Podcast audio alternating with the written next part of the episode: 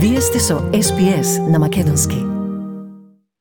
Вие сте со SPS на Македонски. Слушате подкаст од програмата на Македонски на СПС радио со Маргарита Василева.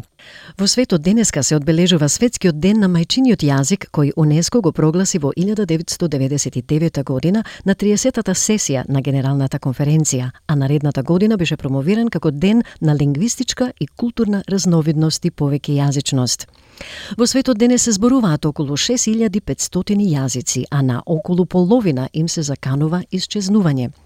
Според статистиката, во последните три века драматично се намалил бројот на јазици, особено на американскиот и австралискиот континент.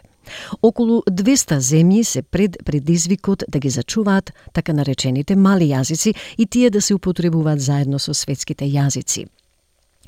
Покрај меѓународниот ден на мајчиниот јазик на 26 септември се одбележува и денот на европските јазици. Во 1998 година стапи во сила Европската повелба за заштита на регионалните и малцинските јазици со која исто така се потенцира лингвистичката разновидност и повеќе јазичноста. Но има моменти кога мајчиниот јазик се наоѓа под друг вид на закана и треба да се одбрани. Таков случај имаше и со македонскиот јазик во 1994 година, кога викториската влада на чело со Джеф Кенет, без консултација со народот на кому му припаѓа јазикот, го преименува, додавајќи му ја придавката Славоник.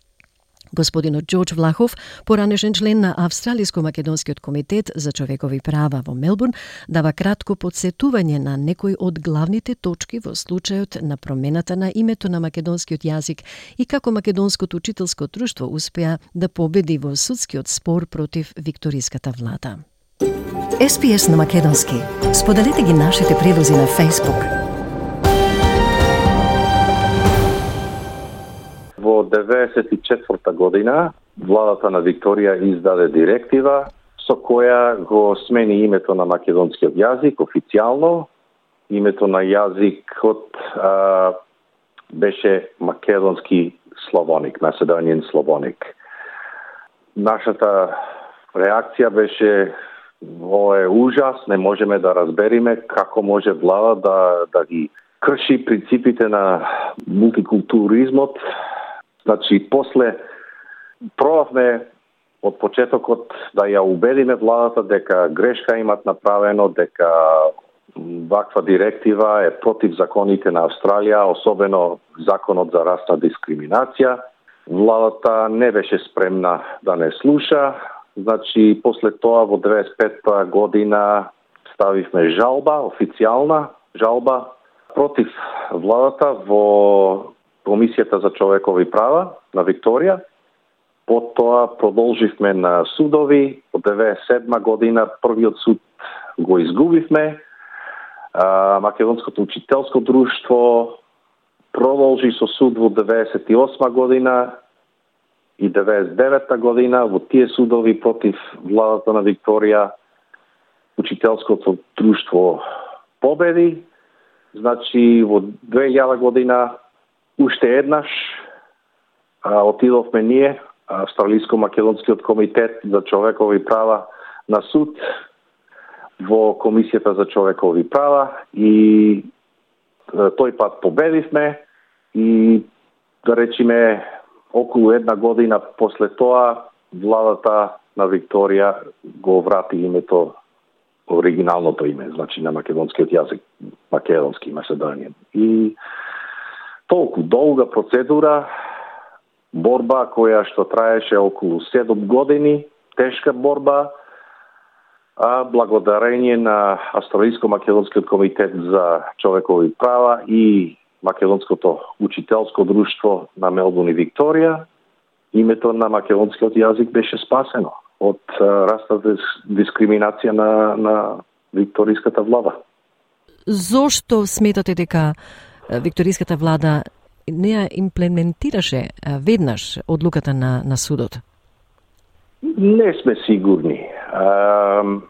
Влада како влада сигурно беше тешко за која да е влада ќе биде тешко да прифати такво нешто. Над тоа не сум сигурен, може би од, од имаше влијание тука од, од дискриминаторски елементи во друга заедница, не сум сигурен, ама на крајот а, моравме ние во Австралиско-Македонскиот комитет за човекови права да се заканиме дека ќе се вратиме на суд ако владата не го имплементира решението на, на судијата и после тоа владата престана да да одбива и, и, и го прифати решението. Џорџ Джордж, фактот што викториската влада ја донесе одлуката за преименување на македонскиот јазик, каков преседан беше тоа за потенцијални одлуки од ваков карактер и за другите и против другите етнички групи во Австралија? Имаше голем опасност, голем потенцијал за таква расна дискриминаторска одлука да се употреби пак од некоја друга викториска влада во иднина, ако се чувствуваше за како корисно некако. И за тоа беше многу важно за мултикултуризмот во Австралија, тоа што ние најдовме начин да, да ја победиме владата, за да не може такво нешто да се случи пак. Викториската влада тврдеше дека мерките преземени против македонскиот јазик беше мерка за одржување на мирот меѓу две па, заедници. Па добро, не, нема врска со мир. Како се ќе се одржи мир со пре, преименување на јазик, со имплементација на, на таква расна дискриминаторска одлука. Немаше врска со мир. Тоа беше имплементирано заради да се задоволат, да речам, расистички елементи во една друга заедница. Ништо повеќе. А тој аспект дека дека беше е, дискриминаторски акт беше потенцирано и од страна на судијата во донесувањето на својата одлука. Да, да, да, судијата јасно кажа дека директивата го крши законот за расна дискриминација на Австралија и како такво мора владата да веднаш да престане да го имплементира. Јазиците се најмокни инструменти за зачувување и развивање на нашето материјално и духовно наследство. Сите настојувања да се промовира ширењето на мајчиниот јазик служат за целосно развивање на свеста за јазичните и културните традиции на светот. Учениците воедно се инспирираат и за развивање солидарност врз основа на разбирање, толеранција и диалог.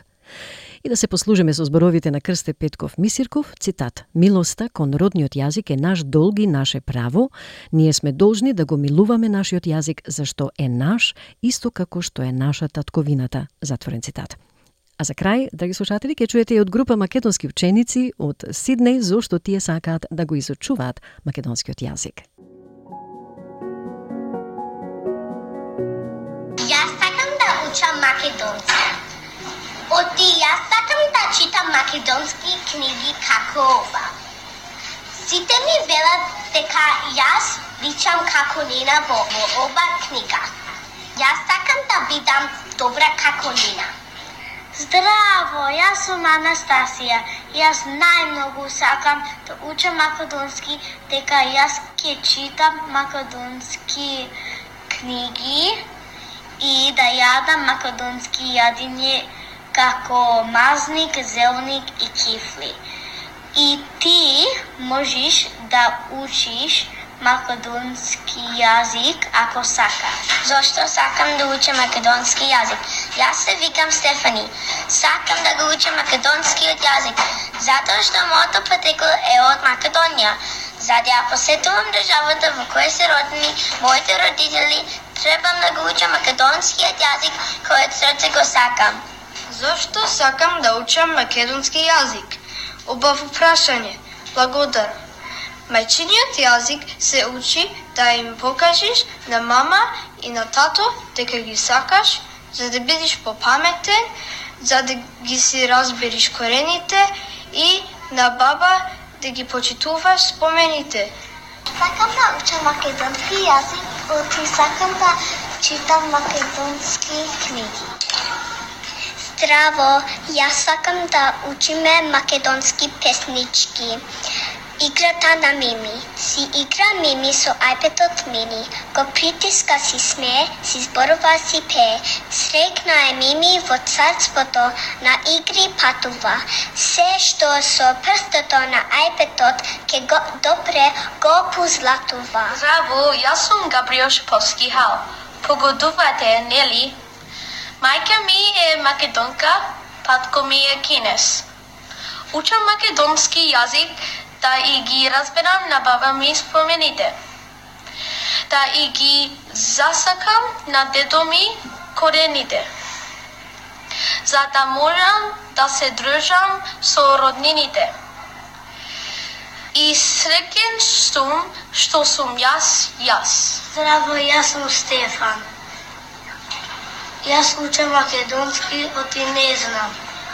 А дома мајка ми, татко ми, баба ми и дедо ми сите зборува македонски. А јас морам да научам. Вашата заедница, вашите разговори. СПС на Македонски. Сакате ли да чуете повеќе прилози како овој? Слушате подкаст преку Apple Podcasts, Google Podcasts, Spotify или од каде и да ги добивате вашите подкасти.